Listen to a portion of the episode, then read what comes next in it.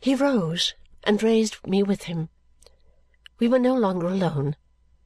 My husband I have called him by that name full seven happy years now stood at my side. "Allan," said my guardian, "take from me a willing gift, the best wife that ever man had. What more can I say for you than that I know you deserve her? Take with her the little home she brings you. You know what she will make of it, Allan. You know what she has made of its namesake. Let me share its felicity sometimes, and what do I sacrifice? Nothing. Nothing. He kissed me once again, and now the tears were in his eyes as he said more softly, Esther, my dearest, after so many years, there is a kind of parting in this too. I know that my mistake has caused you some distress. Forgive your old guardian in restoring him to his old place in your affections, and blot it out of your memory. Allan, take my dear. He moved away from under the green roof of leaves, and stopping in the sunlight outside, and turning cheerfully towards us, said, I shall be found about here somewhere. It's a west wind, little woman, due west. Let no one thank me any more, for I am going to revert to my bachelor habits, and if anybody disregards this warning, I'll run away and never come back. What happiness was ours that day! What joy, what rest, what hope, what gratitude, what bliss! We were to be married before the month was out but when we were to come and take possession of our own house was to depend on Richard and Ada. We all three went home together next day. As soon as we arrived in town, Allan went straight to see Richard and to carry our joyful news to him and my darling. Late as it was, I meant to go to her for a few minutes before lying down to sleep, but I went home with my guardian first to make his tea for him and to occupy the old chair by his side for I did not like to think of its being empty so soon. When we came home, we found that a young man had called three times in the course of that one day to see me, and that having been told, on the occasion of his third call, that I was not expected to return before ten o'clock at night, he had left word that he would call about then. He had left his card three times. Mr. Guppy. As I naturally speculated on the object of these visits, and as I always associated something ludicrous with the visitor, it fell out that in laughing about Mr. Guppy I told my guardian of his old proposal and his subsequent retraction. "After that," said my guardian, "we will certainly receive this hero." So instructions were given that Mr. Guppy should be shown in when he came again, and they were scarcely given when he did come again. He was embarrassed when he found my guardian with me, but recovered himself and said, "How do you do, sir?" "How do you do, sir?" returned my guardian. "Thank you, sir. I'm tolerable," returned Mr. Guppy. "Will you allow me to introduce my mother, Mrs. Guppy of the Old Street Road, and my particular friend, Mr. Weevle. That is to say, my friend has gone by the name of Weevle, but his name is really and truly Jobling." My guardian begged them to be seated, and they all sat down. "Tony," said Mr. Guppy to his friend after an awkward silence, "will you open the case?" "Do it yourself," returned the friend rather tartly. "Well, Mr. Jarndyce, sir. Mr. Guppy, after a moment's consideration, began, to the great diversion of his mother, which she displayed by nudging Mr. Jobling with her elbow and winking at me in a most remarkable manner, "I had an idea that I should see Miss Summerson by herself and was not quite prepared for your esteemed presence. But Miss Summerson has mentioned to you, perhaps, that something has passed between us on former occasions." "Miss Summerson," returned my guardian, smiling has made a communication to that effect to me." "That," said Mr. Guppy, makes matters easier, sir. I have come out of my articles at Kenge and Carboy's, and I believe with satisfaction to all parties. I am now admitted, after undergoing an examination that's enough to badger a man blue, touching a pack of nonsense that he don't want to know, on the roll of attorneys, and have taken out my certificate, if it would be any satisfaction to you to see it. Thank you, Mr. Guppy, returned my guardian. I am quite willing, I believe I use a legal phrase, to admit the certificate. Mr. Guppy therefore desisted from taking something out of his pocket and proceeded without it.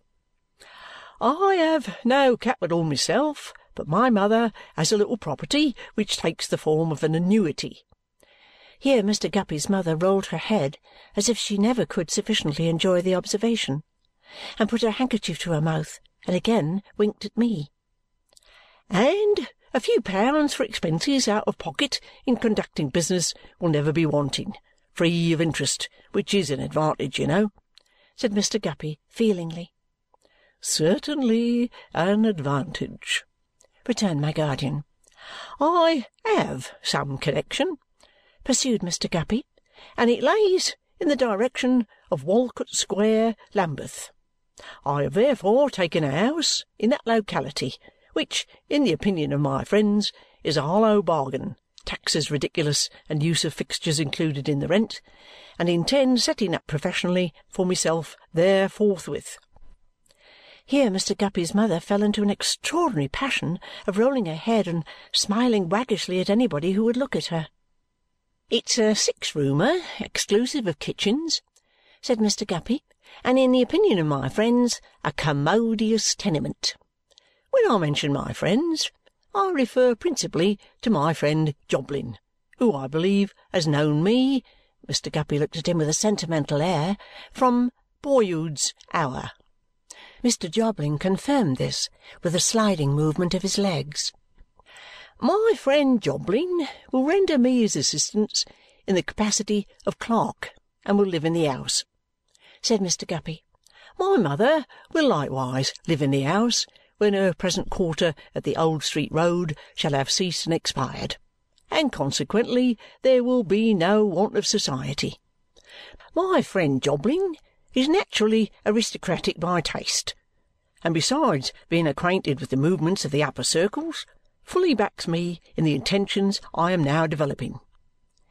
Mr. Jobling said, "Certainly," and withdrew a little from the elbow of Mr. Guppy's mother.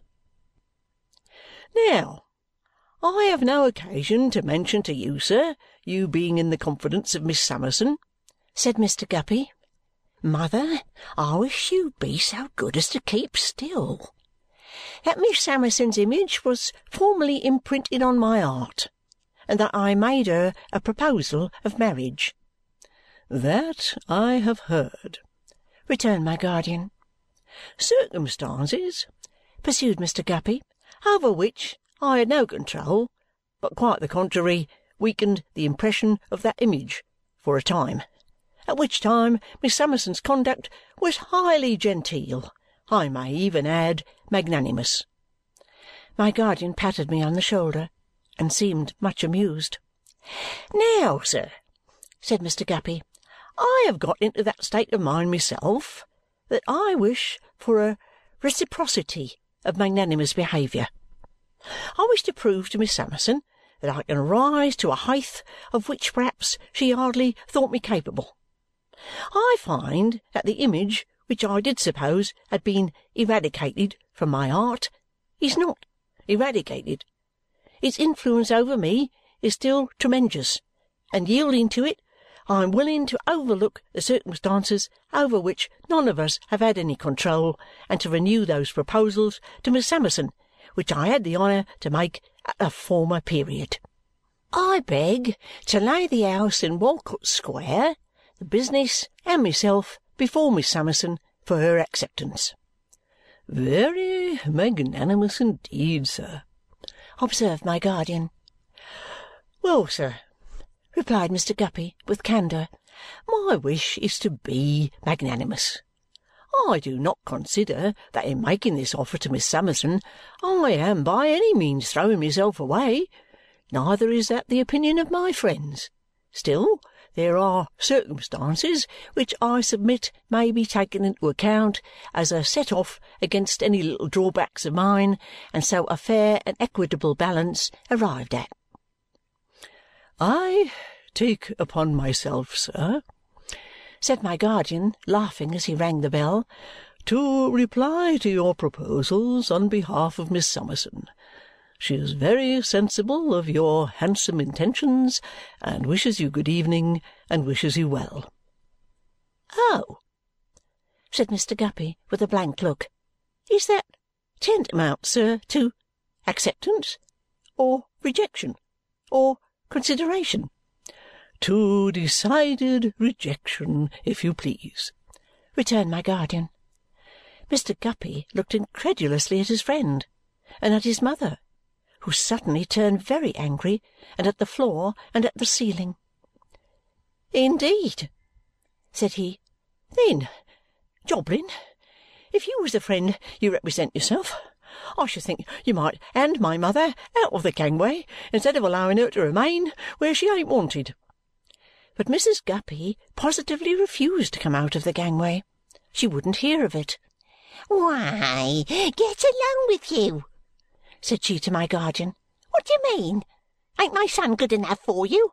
You ought to be ashamed of yourself. Get out with you!" "My good lady," returned my guardian, "it is hardly reasonable to ask me to get out of my own room." "I don't care for that," said Mrs. Guppy. "Get out with you! If we ain't good enough for you, go and procure somebody that is good enough. Go along and find 'em. I was quite unprepared for the rapid manner in which Mrs. Guppy's power of jocularity merged into a power of taking the profoundest offence. "Go along and find somebody that's good enough for you," repeated Mrs. Guppy. "Get out!" Nothing seemed to astonish Mr. Guppy's mother so much as to make her so very indignant as our not getting out. "Why don't you get out?" said Mrs. Guppy. "What are you stopping here for?" "Mother!" interposed her son, always getting before her and pushing her back with one shoulder as she sidled at my guardian. "Will you hold your tongue?" "No, William," she returned. "I won't. Not unless he gets out, I won't." However, Mr. Guppy and Mr. Jobling together closed on Mr. Guppy's mother, who began to be quite abusive, and took her, very much against her will, downstairs her voice rising a stair higher every time her figure got a stair lower, and insisting that we should immediately go and find somebody who was good enough for us, and above all things that we should get out.